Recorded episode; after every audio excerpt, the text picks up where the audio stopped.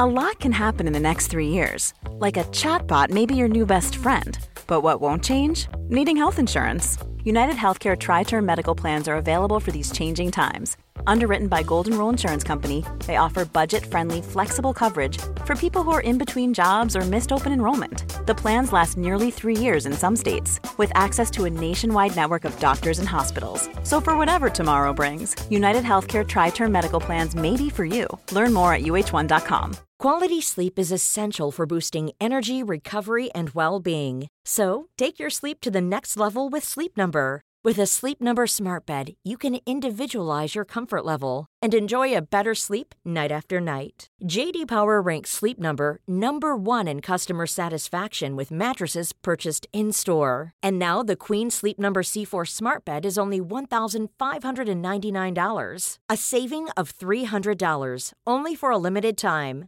For JD Power 2023 award information, visit jdpower.com/awards. Only at Sleep Number stores or sleepnumber.com. Vi är sponsrade av Mindler och som ni säkert vet sedan tidigare så är vi ju ute på psykologresan tillsammans. Men hur vet man egentligen när det är dags att söka hjälp? Ibland uppstår saker i livet som kommer utmana oss och kännas tufft. Det mesta självläker vi oss igenom, för vi är menade att ta oss igenom en viss mängd påfrestningar. Men ibland behöver man professionell hjälp för att ta sig ur jobbiga perioder i livet. Men vart går då gränsen? Vad är en del av livets skavighet och när är det läge att söka hjälp? Det sägs till exempel att stress är farligt, men att det också kan vara bra. Alla sover dåligt ibland, så när har man egentligen sömnproblem? Ångesten kommer väl krypande för de flesta någon gång. Så när ska man se ångesten som outhärdlig? Hur vet jag?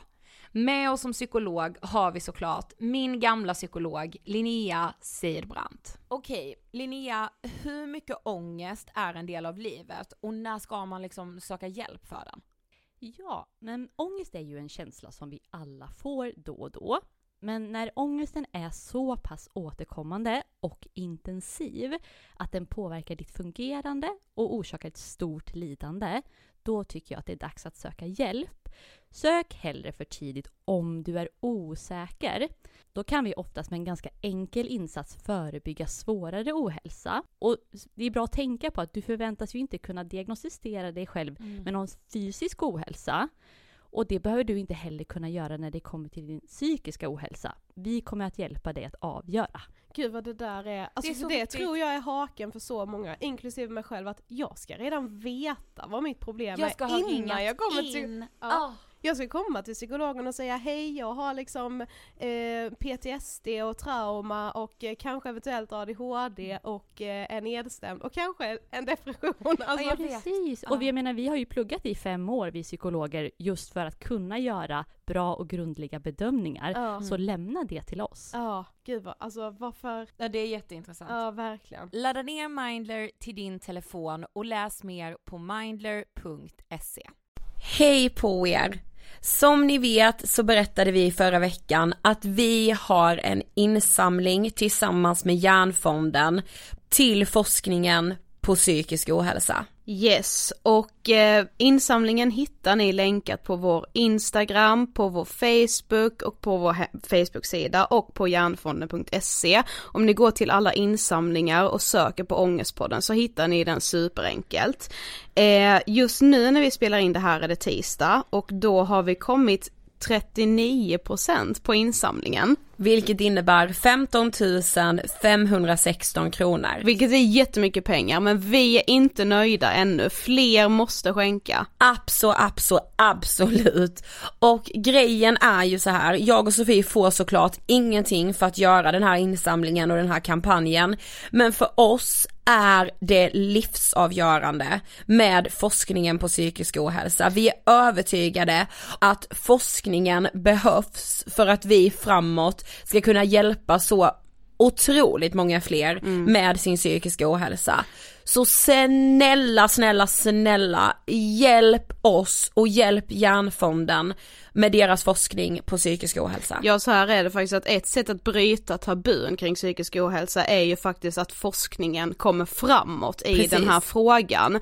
För att de ska kunna utbilda allmänheten, för att man ska kunna utforska nya behandlingsmetoder. Alltså det är så, så, så viktigt och varenda krona räknas. Så gå in på insamlingen och dra ditt strå till stacken så att säga. Det tycker jag.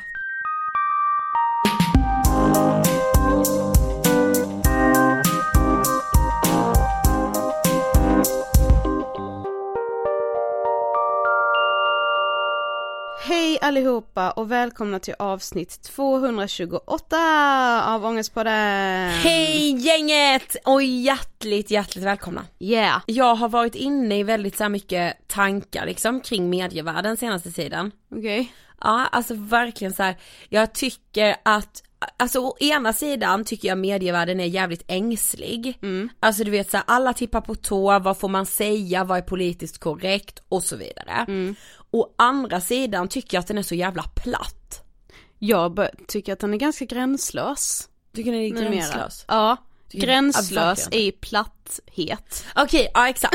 Det är det jag Alltså- menar. Alltså du vet så här, när jag ser vad det är som funkar Ja. ibland, Mm. då tappar jag tron på hela jävla Jag mänskligheten. blir så trött. Alltså jag bara såhär, va? Är det detta ni vill sitta? Va? Alltså vi har ett samhälle, miljön har aldrig behövt så mycket eh, liksom resurser, nej men vad ska man säga, miljön har aldrig varit så på tapeten som den ändå är, all, all hjälp behövs. Och typ så här. Psykisk ohälsa är vår största folksjukdom, vi måste göra någonting. Nej men alltså förstår du, vi står inför så många samhällsproblem. Och ändå så är folk såhär, nej men vet du vad, jag engagerar mig hemskt gärna i nonsens. Ja, alltså typ. förstår du? Men jag kan känna, alltså så här, det är ju man vet liksom inte riktigt för så här, det är ju många som till exempel tycker att det är skitbra att både miljön lyfts och eh, psykisk ohälsa liksom och man så här, åh man tycker liksom det Greta gör är liksom helt fantastiskt och det Ja. tycker jag också verkligen, hon är Ja. en otrolig människa, en fucking ikon är du Greta. Men alltså man, man vill ju göra så minimalt som möjligt själv och bara så här, man tycker liksom att man gör tillräckligt när man typ lägger ut en bild på Greta då och bara åh du är så himla bra Greta, alltså vet så här, eller bara åh men det är så himla bra att psykisk ohälsa lyfts men man, man anstränger sig gärna inte själv för att någonting ska lyftas längre, Nej. alltså man sitter, man fortsätter titta på nonsens Ja, grejer på verkligen. youtube typ. Ja. Alltså så här, vem i vår generation kollar typ ens på nyheterna längre? Hur mycket nyhetskanaler konsumerar Nej. vår generation? Det är livsfarligt. Det är alltså så jag, farligt. jag är nästan rädd för mig själv ibland för Ja. att jag tycker att jag är så dåligt insatt i vad som händer i världen. För att jag är helt beroende av min smartphone, alltså det är bara det det handlar Ja om. men för att jag hellre ska kolla på carpool karaoke Ja, Mariana det är inte Grande. det att jag inte har tiden, Alltså, för det Nej, har det är jag. klart att jag har. Ja. Har jag tid att kolla på carpool karaoke eller likea runt mig på instagram, Ja. då har jag också den tiden. Ja. Eller så här, då får jag fan i mig avsätta den tiden. Precis, sitta och kolla på någon mukbang Men det liksom. där med Greta tycker jag är intressant också, att så här, där är det en hel vuxenvärld som beter sig som idioter. Ja. Alla var såhär, gud vad du är bra Greta, gud vad så här härligt. Partiledarna var så här nere när hon demonstrerade. Ja. Och så var med och demonstrerade. Hon fucking demonstrerar mot er! Ja, ni det är ni som inte gör det? någonting. Ja. Alltså så här, vad är det som händer och sker? Alla bara, hon är så duktig. Ja fast hon demonstrerar mot er, så Ja. ni ska fucking skämmas Ja. och göra någonting åt Precis. det här. Stå inte där och var med i demonstrationen. Nej, som att du är demonstrationen handlar om ert beteende. Ja men verkligen. Ja, alltså fy fan, ska börja ska liksom rida då på någon godhetsvåg, för Ja. det är det jag tycker, så här, man man lägger sig i frågor när du själv kan få ryggdunk för det. Det är ju liksom, handlar ju också typ om, om det här samhället vi har byggt nu som är så jävla beroende av liksom bekräftelse och beröm. Så om du liksom börjar dra och reva i en fråga som är ganska obekväm, då Ja. är det inte så många som alltså rider på den vågen Nej. för att du kan inte få så mycket beröm för det. Men så, här, så fort det är liksom någonting som så ja ah, det är så sant, det är så bra liksom, då ska man också reda på den grejen Mm. för att man man tycker att det är värt att typ vika ut sig själv som någon kroppsaktivist för att du vet att du får beröm för det då, alltså så här, ja nu kan jag trampa någon på tårna liksom, alltså det, jag, jag är ju själv fast i det, alltså jag är ju en del av det. Men jag har verkligen så här särskådat det lite senaste tiden. Ja. Eller Ja. så här, jag har liksom, det har varit mina tankar hela tiden. Mm. Jag är 26 år när vi sitter här. Hur känns det då? Nej men alltså det känns väl ganska bra. Alltså jag bryr mig typ inte så mycket. Nej jag sa ju det. Ja, men jag vet! Det är bara så här, man låter bara 26 passera, vet du vad jag Ja. har gjort i helgen? Jag har börjat fundera lite på min 30-årsfest. Gud jag blir skiträdd, jag trodde du skulle säga pension. Nej! Bara, vad fan, upp sånt har jag verkligen ingen. Jag har haft lite Lite så här pengaångest i helgen också. Okej. För att jag träffade en person nu när jag har varit eh, hemma i Karlshamn och firat dig som liksom hade stenkoll på sin ekonomi och så jävla uppstyrd och jag bara oj. Jag Ja, jag behöver en bankman. Nej men du vet folk som är så här, bara jag har sparat ihop så en miljon typ. Ja, alltså man typ, bara, man va? bara, Alltså äh. vad är det som händer? Ja lite så. Men, eh, ja men jag vet det är asskönt att bara känna hur man, jag vet inte, helt plötsligt så, jag, jag lite fattar ju vad Ami menade när vi poddade med Roseriet så sa ju hon det att så här, ja men helt plötsligt så är du ju liksom ung igen när du är 30. Då är du liksom på den unga skalan på något sätt. Ja men det kan jag, det kan jag gilla, det Ja. kan jag längta efter. Och jag har, jag har storslagna planer för min 30-årsfest. Är det sant? Jag Yes. längtar. Ja. Alltså om jag blir bjuden vill säga. Ja ja, men då, eh, det kommer liksom hållas hemligt för alla. Va? Även för mig? ja, Nej det var sjukt. jo. Jag är så taggad på att eh, prata om en sak. Mm. För denna veckan är vi sponsrade av Hemmakväll. Yes. Alltså bara jag hör ordet hemmakväll får jag välbehag i bröstet. Ja, jo men alltså vikten av hemmakvällen har nog aldrig varit så stor som den är idag. Nej men jag vet, och du vet sommaren är ju på ingång. Mm. Och sommarens hemmakvällar, nej men du, måla upp bilden nu. Mm. Solen går ner, det är liksom ljummet i luften. Du kanske har badat hela dagen. Mm. Håret fortfarande lite blött, Ja, exakt, uppslängt exakt. i en Ja, liksom exakt. slarvig tofs. Du har blivit liksom lite brunbränd Ja. och där står den. Skålen med det du tycker är så jävla gott. Det kanske är godis, det kanske är chips, Ja. du kanske, men det kanske är dippen till. Ja. Nej men alltså. Det kanske poppas lite popcorn. Ja. Alltså förstår du vikten av den hemmakvällen? Men det viktigaste där är kanske ändå sällskapet. Mm. Att man är med personer som man bara säger jag älskar dig. Jag har faktiskt tänkt att jag ska ha som ett litet löfte till mig själv denna sommaren. När man ändå är ledig och så.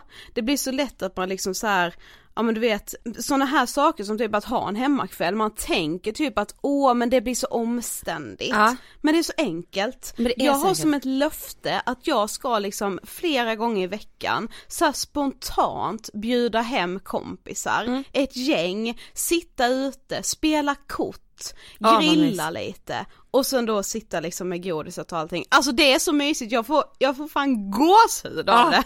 Gud vad härligt. Men du, också faktiskt nu, nu kommer ju studentmottagningarna. Ja just det. Och då ska man liksom inte glömma vikten av att ha godsaker där. Nej. För du vet, jag tycker att så här, jag är så trött på att vi inte ska få äta det. Och Det är vi, jag också. vi, alltså vad, vad är det för någonting? Ja. jag Det vet jag ju, äl- det har ju vi sagt i alla tider i Ångestpodden. Verkligen, jag älskar ju godis. Jag med. Ja men jag älskar både godis, chips, popcorn har jag blivit nu på sistone. Det Du- älskar jag. Men jag tycker också så här, alltså man går till hemmakväll och när man väl är där så tänker jag så här, man bunkrar lite. Ja. Det har jag börjat göra faktiskt. Till mig och min kille för jag bara såhär, vadå vi kommer vilja ha myskväll om två dagar igen. Mm. Och då är det bra att vi har det här hemma. Och det är ju faktiskt också en bra present, alltså vet så här, om man är hembjuden till någon Mm. kanske på en hemmakväll, då tar man med sig en sån här burk med godis med lite cellofan runt omkring eller något så här härligt. För det är så här, jag skulle bli skitglad om jag skulle få en sån present. Ja men verkligen jag med, herregud. Överlycklig. ja, tack hemmakväll. Vi är ju även denna veckan sponsrade av Kicks! Kixelikix! Och förra veckan så pratade vi ju väldigt mycket om alltså sommarångest. Eh, kopplat till, det blev ju mycket kropp förra veckan. Eh, men också en del om så här, akne, att inte liksom vilja vara osminkad på stranden. Jag tänker liksom att vi, vi måste ju tillsammans ändå, du och jag och våra lyssnare, ändå kunna komma fram till hur vi ska liksom slå hål på all den här ångesten. Men jag vet för alltså det är ju mycket så här skönhetsångest mm. inför sommaren. Den levlas ju upp och detta vet ju Kicks, vi har ju pratat med dem om det här. Mm. Men att också så här sketa i de här rätt och fel. Precis. Vi har sagt det innan men liksom regler kring vad man ska ha i ansiktet på stranden. Mm. Det vet ju ingen annan än du själv.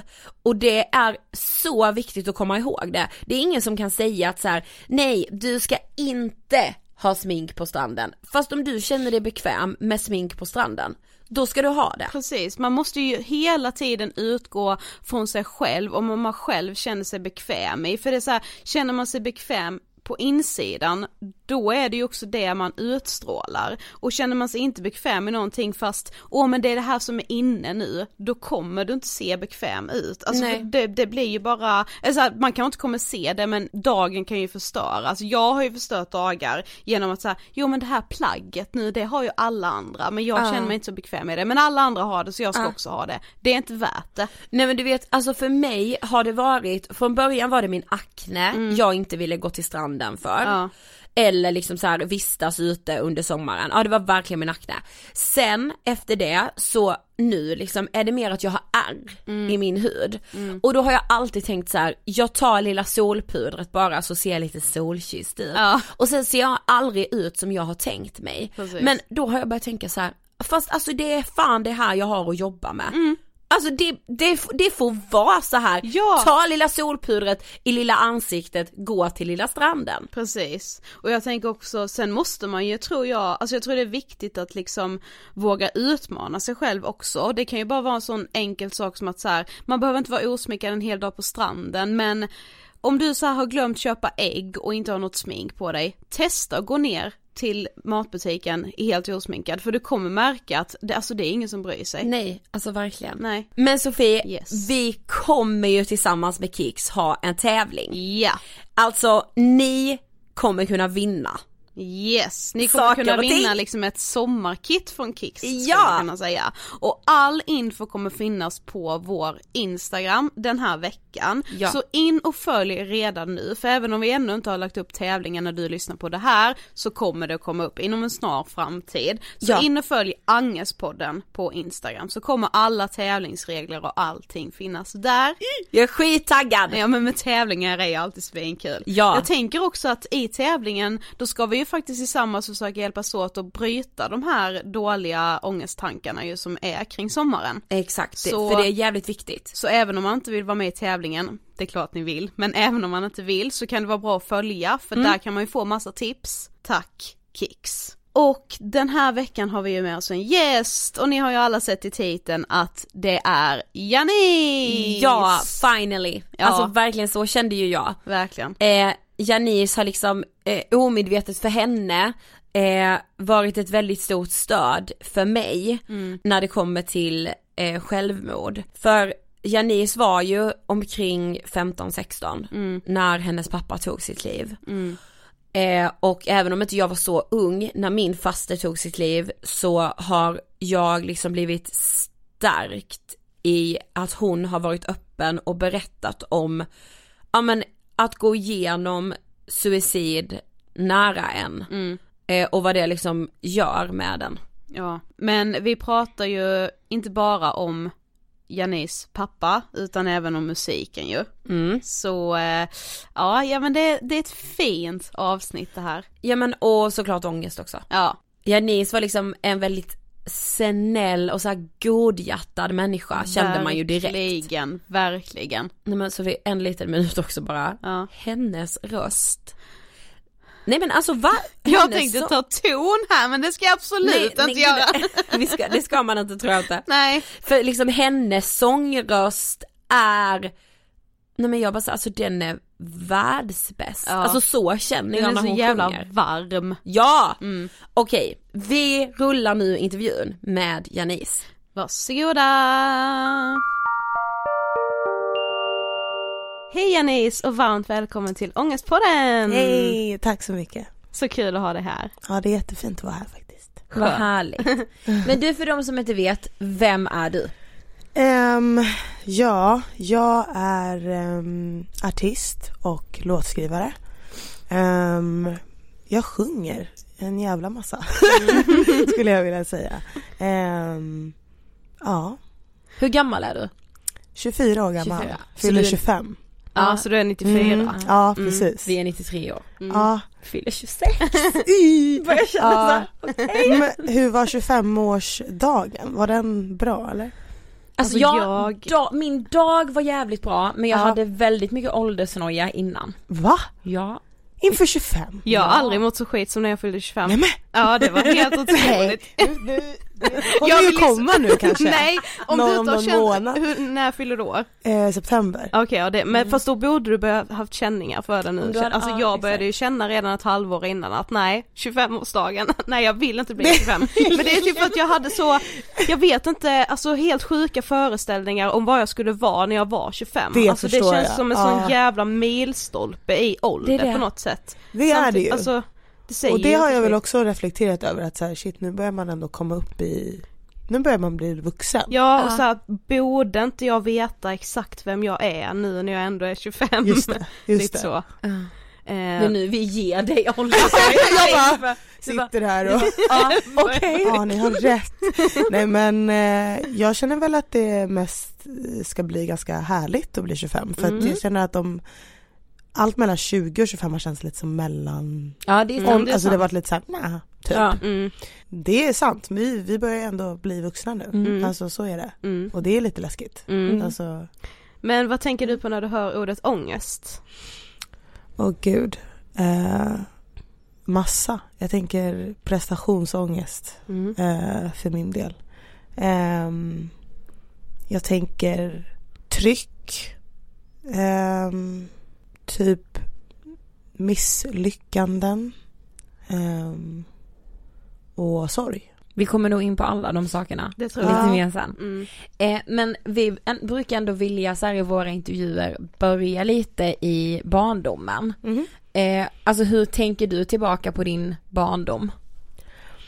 Alltså, jag tänker tillbaka oftast med ett litet leende för Mm. att jag känner att så här, det var mycket kärlek, mycket liksom skratt framför allt. Jag tycker att jag hade väldigt roligt med, ja, med min familj och vi reste ganska mycket, gjorde mycket saker tillsammans som jag minns. Men sen så har jag också ett väldigt dåligt minne. Så jag Mm. kommer inte ihåg så mycket egentligen. Mm. Det är liksom så små grejer men jag kan kolla på bilder och bara alltså jag minns inte och jag vet inte varför. Eh, jag upplever att det har liksom blivit sämre med Åldern på Ja, ja men alltså att jag verkligen ehm, kommer liksom inte ihåg vad, vad man har gjort men ehm, annars så ser jag liksom på barndomen som en väldigt varm och trygg tid. Mm. Ehm, ja. Men vi läste i en intervju med dig att du, där du sa att, här, att som ung så hade du ganska svårt för att hitta din plats i samhället. Mm. Kan du utveckla det lite? ja, men jag tyckte väl att det var svårt att så här. Det fanns inte så många som jag kunde identifiera mig med. Alltså speciellt i typ media och i tv så var det liksom ingen som såg ut som jag och Mm. alla hade liksom platt och rakt och sk- liksom skinande hår och ja, jag vet inte, jag kände mig lite missplacerad i vissa sammanhang Mm. liksom. Mm. Och jag som också eh, gillade liksom musik och, och alltså folk som gjorde musik, artister och sånt tyckte det var så jobbigt att det inte fanns så många som, som jag. Mm. Men sen när jag väl hittade liksom typ Whitney Houston Mm. då var det som att jag bara wow, var helt besatt. Ja. Och det var liksom det enda jag lyssnade på. Eh, liksom höll fast vid dem som jag så här, fanns någon igenkänning i. Ja. Mm. Ehm, så det var, det, var, det var svårt tycker jag. Ja. Eh, Mm. också liksom i skolan, hur Mm. snacken gick om hur man skulle se ut och att åh vad fint när ditt hår är plattat och alltså det är Mm. mycket sådana grejer som gör att man bara såhär okej Är jag finare Ja då? precis Mm. och att jag såg att min stora syster som är sex år äldre än mig satt med liksom plattången och plattade sitt hår och då tänkte jag också så här ja men då ska jag också göra det. Ja. Och hon har ju på samma sätt liksom blivit Ja, indoktrinerad med Ja, att så här, det är inte så man ska Stört se i en form liksom. Mm. Eh, det var lite liksom, inte svårt men ändå så här. Jag tycker att det inte fanns något så här. Jag hade liksom ingen riktigt trygg punkt på det sättet att så här, Mm, okej här. Eh, här är jag och här finns det här sammanhanget för. Mm. Eh, för mig och men det har ju förändrats Mm. Mm. definitivt. Mm. Men hur var skolan annars? Alltså hade du liksom, trivdes du i skolan? Ehm, ja, det gjorde jag. Mm. Eh, jag tyckte att, eh, att det var en liksom rolig tid ändå på det sättet att jag hade mycket vänner och, och så. Eh, sen tyckte jag väl inte alltid att det var jättekul. Eh, för att jag tyckte det var lite svårt. Jag hade Mm. lite svårt med liksom typ matte bland annat var liksom min värsta, värsta. Det var liksom lite jobbigt men annars så, Mm. så mycket vänner och, och speciellt när jag liksom började på Kulturama när jag var 12. Mm. Mm. Då var det som att jag hittade hem. Ja. Nej, men det var liksom, ja men så fina vänner fick jag där som jag fortfarande har idag och så fick jag liksom, ja men sjunga, dansa och spela teater. Det var så här, Ja. Dröm. Jag är alltid lite avis på alla som har gått Kulturama. Är det så? Alltså, Vi gick ju i musikklass. Ja. Eh, som var liksom då på högstadiet men det fanns ju liksom ingenting i Karlshamn som vi är ifrån som, där man kunde hålla på så mycket med musik Nej, i skolan nej, innan man började inte. högstadiet för då var det så här, då valde man idrottsklass eller vanlig klass eller musikklass liksom. det. Ja. Men det var ju typ de bästa, det är lätt de bästa tre åren av min Ah. skolgång liksom. Nej men när nice. man fick liksom vara kreativ på liksom ett ställe som man annars så här förknippade med någonting tråkigt. Ja precis. Alltså, Helt plötsligt var det ganska nice Ja, att vara i skolan. exakt. Ja, Ja. om man så stannade i skolan Precis. efter det, alltså bara, ska när vi ta ett slutat. reprum och vara kvar? Ja! ja, ja that 100%. times. Verkligen. Livet lekte. Ja. Ja. Wow. Mm. Eh, men när du var 16 år Mm. eh, så tog din pappa sitt liv. Ja. Eh, och vi har nu liksom inför intervjun eh, läst många intervjuer med dig och bara så här, jag har slagits väldigt mycket av att du är så jävla stark som, som delar det. Och jag har själv erfarenhet för min faster tog sitt liv för tre år sedan snart. Mm. Och alltså just att få läsa om andra eller höra om andra som har förlorat någon nära, alltså hur mycket det ger en själv. Mm. Jag ville verkligen bara säga det först men, men vill du berätta, alltså hur var den tiden när, när din pappa tog sitt liv? Ehm, det var ju Alltså jag blev så chockad att jag, jag, jag visste inte vad jag skulle ta mig till. Hela världen vändes upp och ner. Jag visste Mm. liksom ingenting. Det kändes som att han tog med sig precis allt. Typ. Mm. Eh, så det var, ja det var fruktansvärt. Mm. Ehm, och att jag liksom precis hade börjat gymnasiet i Ja. princip och det var, jag trivdes inte jättebra där heller liksom. Och så hände det, nej det var, det var jätte, jättetufft. Ehm, Men hade han mått dåligt på något sätt som ni liksom visste om eller så? Um, alltså inte som jag visste om faktiskt. Och jag tror att vi har liksom kunnat förstå i efterhand att, att han led av en depression liksom. Mm, Men att det är det som eh, ja, men också tidigare har hänt att man liksom inte berättar hur man mår och att man istället lider i tystnad. Mm. Och då kan man ju inte hjälpa.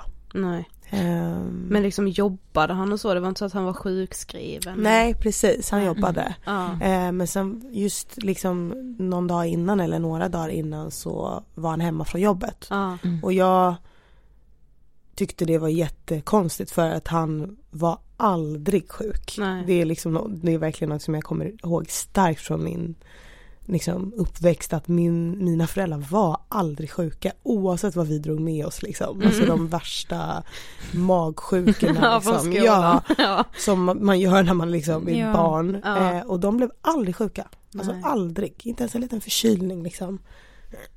och nu var han hemma då.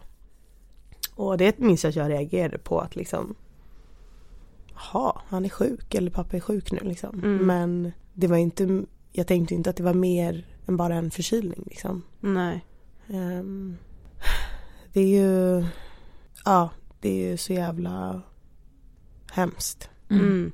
Men hur eh, liksom hanterade du och din familj den här enorma sorgen? För att men, sorger kan ju liksom hanteras på väldigt olika sätt. Mm. Men hur liksom bearbetade ni den här sorgen tillsammans?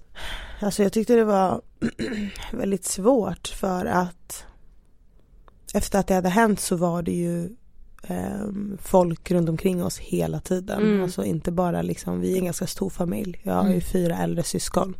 Så inte bara alla de, liksom vi hemma samlade tillsammans men också massa släktingar och sen kom det massa grannar och ehm, jag tyckte det var jättesvårt att Alltså vi fick nog inte ens lite frid i att bara så här vara med varandra. Nej. Eh, för att ens liksom prata om vad som hade hänt. Och jag tyckte också att det var så jävla konstigt att det var så mycket folk runt omkring oss men det var ingen som pratade. Det Mm. var Ja. liksom bara att folk var där. Mm. Och jag förstår ju att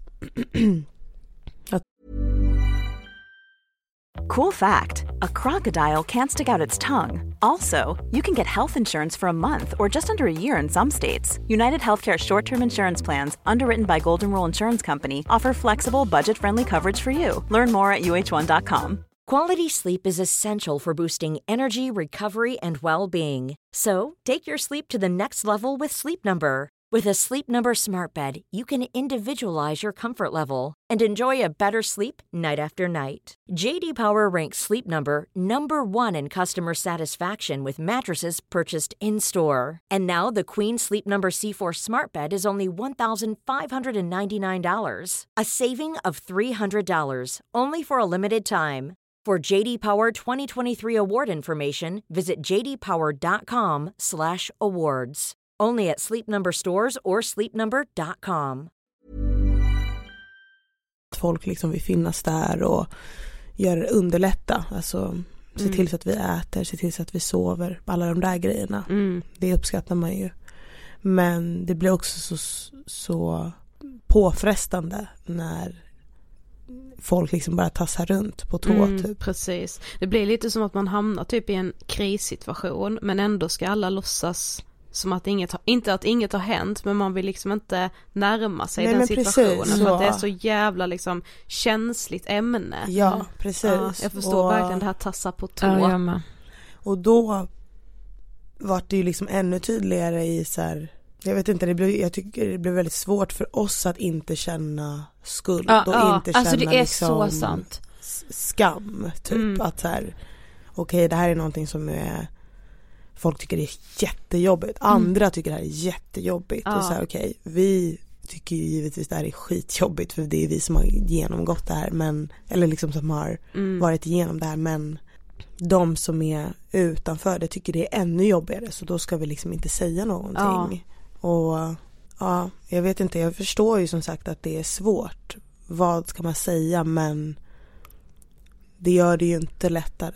Nej, för- jag Nej. för tystnaden någon. gör, det absolut inte Nej. bättre. Nej. Alltså gud jag relaterar så mycket. Just Mm. att man, alltså så här helt plötsligt så känner man att utöver sorgen ska man också bära skam liksom. Just det, precis. Eh, och då, alltså när man kan tänka på det så här när vi sitter och pratar om det, då fattar man ju att så här, okej det är något fel på samhället om det här är så stigmatiserat. Men när man är i det så är man ju bara så här, okej ja men då ska jag väl skämmas Yes. då. Okej då ska, ja okej då ska vi vara tysta. Ja. Mm. Alltså för att det är, är så svårhanterligt Yes. liksom. Men har du gått i någon terapi?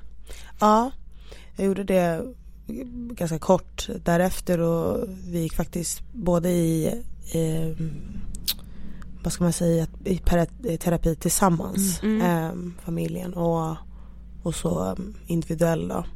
Men eh, jag skulle säga att jag behöver mer terapi, definitivt. Mm. Och inte bara för, för, ehm, för att bearbeta det här utan ja, nej men det, det behöver jag. Mm. Mm.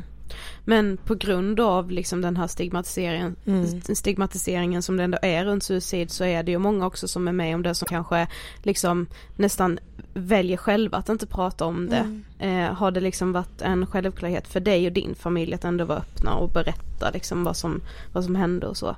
Nej, alltså det är ju det. Alltså, jag kan ju verkligen vara öppen med att säga att jag hamnade definitivt i det här att vara tyst och Ja. inte alls dela med mig Mm. om det. Men eh, det började faktiskt med att jag träffade Vanessa Falk Mm.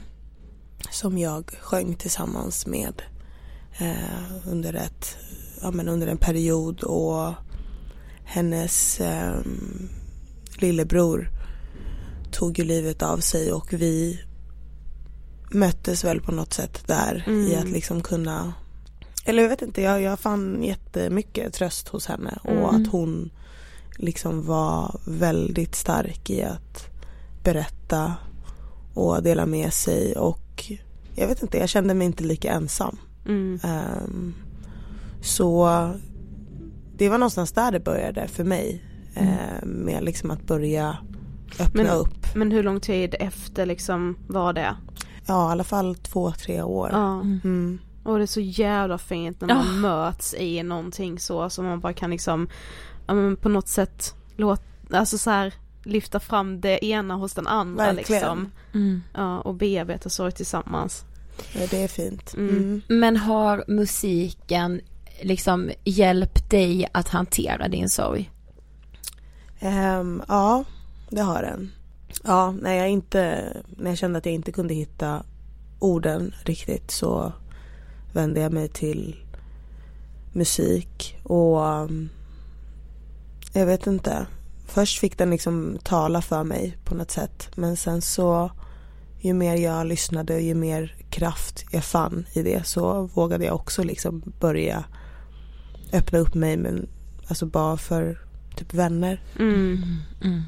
Eh, och familj liksom.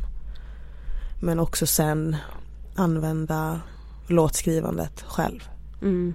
för att bearbeta och förhoppningsvis ge lite ljus också. Mm. Mm. Det tror jag verkligen det gör. Mm. Men, men när skulle du säga att musiken kom in i ditt liv på riktigt? Oj, på riktigt. ja, vilken, det är en stor fråga. Alltså jag Ja. Har så många liksom, eller många, men jag har ändå några liksom stora så här musikminnen och de sp- sprider ut sig ganska så här, ja, Ja. men det är en där som är tydlig. Eh, det var liksom en av de första konserterna där jag fick sjunga ehm, solo med Tensta Ja. Gospel Choir. Ja. en julkonsert. Och jag sjunger en låt som heter No Greater Love som är av Fred Hammond. Den är helt otrolig. Och jag minns att liksom all press och nervositet som jag hade känt inför det här släppte på något sätt liksom så fort jag tog första tonen. Mm. Mm. Och jag tänkte liksom inte på så här, nu ska jag sjunga sådär och jag ska göra den där grejen eller jag ska ta den där tonen. Ja. Som jag hade känt liksom innan, någon vecka innan jag skulle göra det här. Mm. Mm. Och efteråt så fick jag liksom så mycket kärlek och respons på ett sätt som jag inte tidigare tyckte att jag hade fått. Alltså att det Mhm. var det var något speciellt och då kände jag väl lite så här, hmm, okej, det är någonting men jag vet inte riktigt vad. Och så Mm. kollade jag på ett klipp efteråt från den här konserten då och förstod på något sätt vad folk menade med att här, man kände det jag sjöng. Det var, det lät kanske inte helt perfekt eller var Men liksom det, är inte, det måste det inte men det, nej precis, det Ja. var liksom inte det. Det var att jag verkligen bara levererade en känsla hundra, att jag sjöng med hela min, min själ. Mm. Och där var det som att jag bara okej, jag ska inte göra någonting annat än det här. Mm. Och det kommer jag liksom aldrig glömma. Det Gud jag ryser jag nu, med. så jävla fett. Ja. Men alltså det vi började fundera på är så här, vad sa du den heter? Tensta Gospel? Choir. Ja. Choir säger man, ja. Mm. Alltså vad är det liksom för, så här, för det Vad har är det jag har missat? Ja men jag bara det har fostrat artister som dig, Lykke Li, Seinabo Bosei, alltså det är så här, vad händer där? Ja, alltså eh, Sina Bosi är ju dock inte en person som har gått i Tensta, Tensta Gospel Choir. Nej, det har ju det här kan vi en gång för alla då bara liksom göra klart. Det här har jag sagt i tidigare intervjuer men Ja. folk verkar inte vilja plocka upp det. Eh, hon har varit med på något rep någon gång, liksom, koll, sådär. Men så är det väl någon som liksom har fått det att Ja, hon har och- gått ja, och så har folk kört på det hela, Sabina hela vägen. har. Absolut. Sabina, mm. Ehm, men bara så att folk vet det. Eh, Senabo är en fantastisk artist men hon har faktiskt inte varit med i Tensta Gospel Choir. Eh, men det, alltså jag tror ju så här, det är en, det är en plats där man verkligen får utrymme att här, Mm. uttrycka sig och man får plats till att, jag vet inte, vara sig själv och verkligen jag vet inte, hitta det man vill ge. Typ. Mm. Och liksom till det jag sa förut att det handlar inte hela tiden om att man ska sjunga perfekt och att så här, det handlar om vad du vill säga och vad du vill att folk ska känna. Mm. Ehm, så jag tror att det är det, att så här, man får verkligen utrymmet att utveckla sig och jag vet inte, bara få sjunga med, med hela sitt hjärta. Mm. Jag tror att det gör mycket med Mm. människor. Jag tror att, eller jag vet att det är så många liksom alla, det är så många som har gjort så stora personliga resor och som inte heller bara är liksom artister eller Nej. så utan också eh, men som inte syns offentligt. Mm. Det är väl det. Men ehm, det är en jävligt fin kör. Den har varit Mm. jätteviktig för mig. Ja, det är så kul. Men du hade ju ditt stora genombrott 2016 och du släppte ju nyss nyligen låten Hearts Will Bleed. Men ja, vi tänker att vi ska avsluta det här Ja. avsnittet med den låten som är Otrolig. helt Alltså som jag sa till Nina, den är otrolig. Ja, love Jag blir jätteglad. Men hur är du inför ett mus- musiksläpp? Alltså hur mår du? Ehm, ja, det brukar vara ganska ångestfullt måste jag säga. Mm. Det Jag tror att för det första så är man, eller för det första, men jag brukar oftast vara väldigt taggad inför när man liksom bestämmer att man ska släppa en singel eller vad det nu är. Mm. Så är man, så är man först liksom peppad, yes, nu har vi äntligen liksom bestämt oss för Ja. den här låten Ja. eller whatever. Eh, så då är man ju glad över det. Men sen så kommer man ju faktiskt eh, underfund med att okej, fast den här ska ju faktiskt komma ut och sen ska Folk folk, ska bedöma bedöma, den. Ja, där kommer ju de jobbiga känslorna in för man vet ju själv vad man tycker och Ja. man kanske har hört om vad folk i liksom sitt team har tyckt men Mm. det spelar ju fan ingen roll när det sen kommer ut och så här mycket folk ska tycka och Ja, tänka ja. liksom. Eh, men jag vet inte, jag tycker att jag har blivit lite bättre för varje release på att liksom släppa på de Mm. jobbiga tankarna. Det är också så här en sjuk negativ spiral som man går in i om man börjar tänka sådär. Mm. Tror man måste lita på sig själv och att det börjar och slutar väl ändå med en själv. Ja. Alltså att jag tycker att det här är bra och jag kan stå för det. Mm. Eh, sen vad alla andra tycker det är ju bara glitter eller Mm. vad man vill säga liksom. Mm, mm. Men så länge det känns bra för mig så, så kommer det gå vägen. Typ. Mm. Så brukar jag väl tänka. Mm. Men inför albumsläppet förra året, oj. Oj oj oj, då mådde man skit. det gjorde man. Då undrar man vad man hade gett sig in på. Ja. Absolut.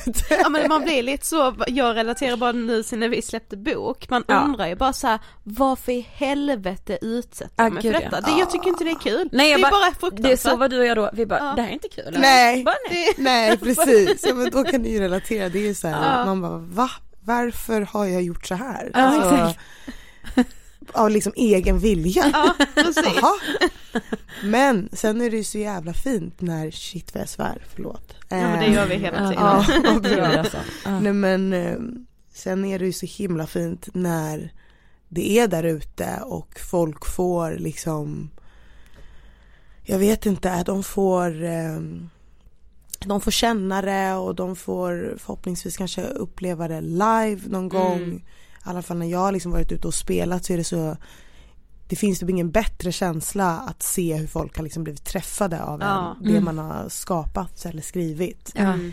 Eller hur de har tolkat det eller hun, liksom funnit tröst i det eller igen, att de känner igen sig och det är ju Ja det är så magiskt att Mm. så här, det, det är värt det. Det är värt Ja, allt det där det jobbiga var liksom. Det blir Men, men kan du ha prestationsångest inför att gå upp på scen exempelvis?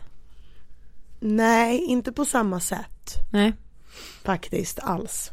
Där känner jag mig jätte jätte hemma. Mm. Det är som att eh, Det är klart jag kan känna liksom lite Alltså nervositet innan, innan jag går upp på scen men Det är ändå Positiva känslor som, Mm. det är ju så här för att jag bryr mig om det här. För Ja, jag. Det betyder väldigt mycket för mig.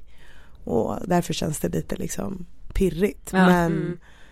jag känner inte samma press i att så här, nu ska jag leverera, alltså, utan jag känner att det jag gör där, det får komma och förhoppningsvis så känner folk det. Mm. Eh, Men jag försöker verkligen bara tänka på att det ska vara en bra och fin upplevelse för alla. Mm. Liksom, både vi på scen och de liksom, som står och tittar. Mm. Mm. Men trots prestationsångest då, skulle du säga att musiken har blivit din trygghet? Ehm, ja, gud. Det är utan tvekan. Va, vad är jag utan det, känner jag. mm. Men absolut. för att knyta an lite till det vi pratade om innan också Mm. så tänkte vi så här, är det liksom viktigt för dig att idag ändå så här prata om självmord eller psykisk ohälsa? Mm. Ja det har liksom blivit en viktig del av dig. Definitivt. Mm. Eh, och det började väl också med att jag skrev en, en låt som heter Answer. Mm. Som jag släppte för några år sedan. Ehm, så då började jag ju liksom i mina mellansnack när jag spelade eh, prata om ja, men dels mina erfarenheter och varför jag tycker det är så viktigt att vi pratar om hur vi mår. Ehm, och- alltså, och att vi liksom, vi kan förebygga. Mm. vi precis. kan göra någonting. Ehm, att vi liksom ska fråga varandra. Vi ska vara artigt påträngande och vi ska Mm. inte tassa på tå helt enkelt. Mm. Och Fan vad bra det var artigt påträngande. Ja, men alltså vi det- brukar säga så här, men våga vara lite jobbig för att Ja. du, alltså många kommer tycka att du är det när Precis. du ställer frågorna men Mm. så här, artigt påträngande. jag, det är tycker den, bra. jag tycker den är verkligen är, alltså spot on. Ja, ja. Och den har jag faktiskt snott av eh, Alfred eh, Skogberg. Mm. som är Suicide Zero. Zero. Precis. Jag kommer sno den också. Ja nej men gör det för den är, alltså, den är, jag tycker den är klockren Ja. helt Ja. ärligt. Och ehm, ja, nu är jag ju deras eh, ambassadör Mm. och jag är så stolt och glad över det och Mm. att jag tog det steget. Ehm, och förhoppningsvis eh, kan ehm, sprida mer kunskap och eh, hopp. Mm. Berätta Mm. om eh, Answer. Mm. Jag satt hemma vid mitt piano. ehm, som nu är ett köksbord. Det är inte ett piano där längre men det var det. Ehm, och jag hade haft en melodi ganska återkommande. Ehm, men så tänkte jag ju bara så här, det här är ju en låt i och med att den kommer, tillbaka. hela Mm. tiden. Men så var det som att jag bara, nej det är fan inte det. Jag måste sätta mig och se vad det är som kommer fram. Så satte jag på min röstmemo-inspelning på mobilen och satt och spelade där i typ två timmar och sjöng. Och när jag lyssnade på den här inspelningen sen så hörde jag liksom hur jag redan sjöng Eh, ja, men dels min pappas namn och eh, Calling your name då. Eh, som är liksom refräng um, linen Mm. av låten och dagen efter så kom jag till studion och spelade upp den här röstmemon för ja, men en producent som heter Andreas och en låtskrivare som heter Joel och de var ju så här okej men det här är ju det här är ju en låt. Eh, vill du fortsätta på det? Eh, för det vill vi gärna göra om du vill. Typ. Mm. Och jag var så här, ja vi kör. Och jag tror vi skrev den sen på typ två timmar kanske. Och när vi hade skrivit den så vet jag inte om jag kände så här, åh den här vill jag släppa. Men för mig så var det en otrolig milstolpe i mitt liksom låtskrivande och också i min liksom personliga resa om Mm. hur jag liksom valde att uttrycka mig. Eh, och framförallt en liksom lättnad. Mm. Jag tror att det var något som jag hade velat få ut ganska länge. Säkert. Men inte riktigt visste hur. Ja, Så. Och så det var så himla skönt. Det var som Mm. att det var en sten som hade liksom lyfts. Och ja men ett år senare så släpper vi låten. Mm. Ehm, och det var också sån sjuk befrielse. Även fast det kanske låter konstigt med tanke på att jag ger ut någonting, någonting som är så personligt. Ja. Men det är också någonting som är en sån stor del av mig som Mm. jag kände länge om jag ska vara liksom personlig i musiken så, så måste folk veta det här. Mm. För att ja, men dels förstå, förstå mig men också förstå varför jag gör det här och varför jag Ja, jag vet inte varför jag är liksom så känslosam typ. Mm. Ehm, och det är ju resan till att jag idag liksom är ambassadör för Suicide Zero Mm. skulle jag vilja säga. Mm. För den Ja, här det- låten blev väl också en typ kortfilm? Precis, Mm. som vi släppte i, i år. Mm. Eh, Ode to Andrew som Freshte Piltan har regisserat. Mm. Ehm, så det är en, ja, men en filmisk liksom, version av Answer skulle jag vilja säga. Ehm, som vi em, släppte när vi em, gick ut med mitt ambassadörskap då. Mm. Just det. Mm. Vi har kommit till sista frågan. Mm. Vad inspirerar dig? Oh, wow. Mycket. Mm. Eh, människor, liksom andra eh, kreatörer som, som följer sina drömmar, som gör sin grej. Det inspirerar mig väldigt mycket. Eh, konstigt nog, liksom svärta och mörker har också inspirerat mig mycket. Ehm, kan vara för att liksom jag alltid vill hitta ljuset i, i allt och Mm. att jag vet inte att det finns eh, det finns hopp liksom. Ehm, och musik är ja, det inspirerar mig i alla former typ. Det en röst kan inspirera mig. En, en, en liksom jag vet inte, en stark sångröst. Ehm, ja, alla kvinnor runt omkring mig. Jesus. Som är så jävla bra. Mm. Och trots all liksom skit. Det är bra inspirationer tycker jag. Ja, Tack så jättemycket för att du ville gästa Ångestpodden. Oh, men tack för att jag fick komma. tack. Yes. Alltså gud vad det blev fint. Ja verkligen. Och vet du vad jag slogs av? Nej. Under tiden vi satt och poddade, att så här man märkte ju att det fortfarande liksom delvis var det är en jobbig sak att prata om, vilket det ju såklart alltid förmodligen kommer vara.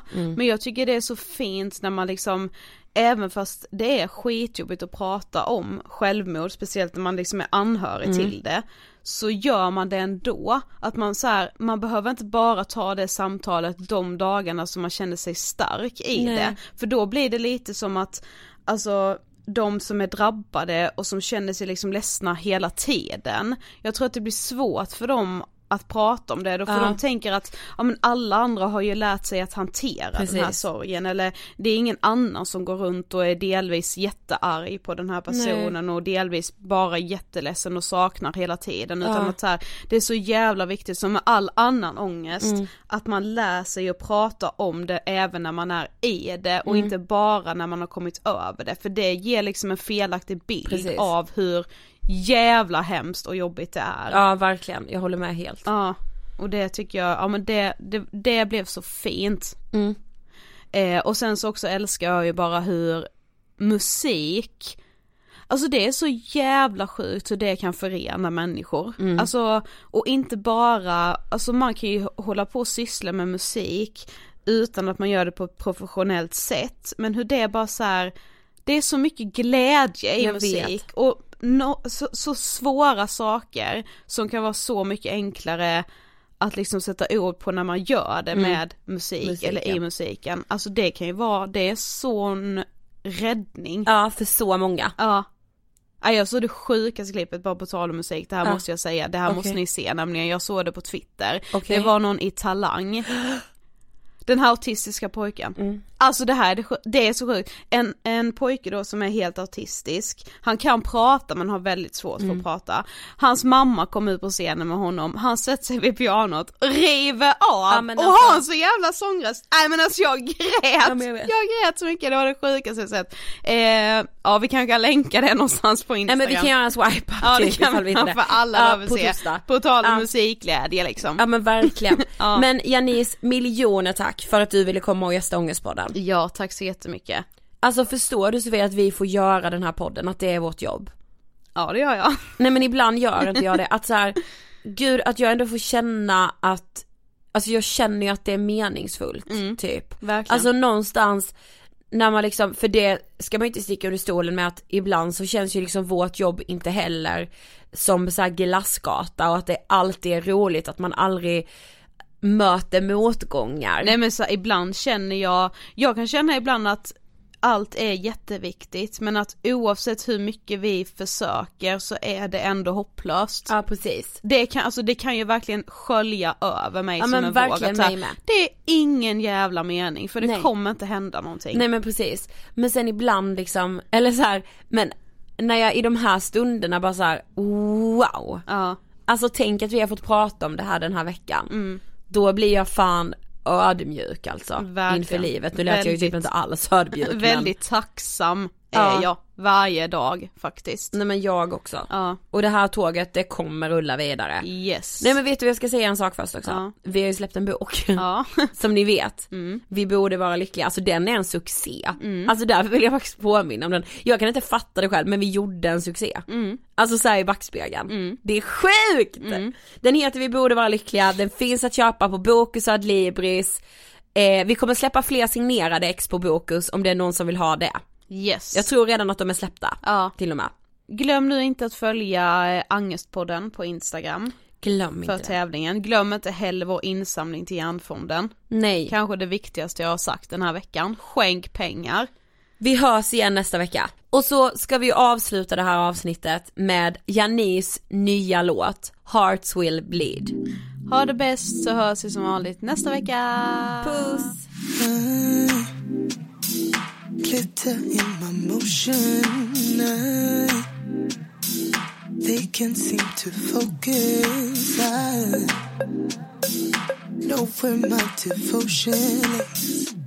My intuition says, I know we want to feel every part of what we got. I'm chasing what is real. I promise I won't get caught up in the fantasy of what love should be. They say hearts will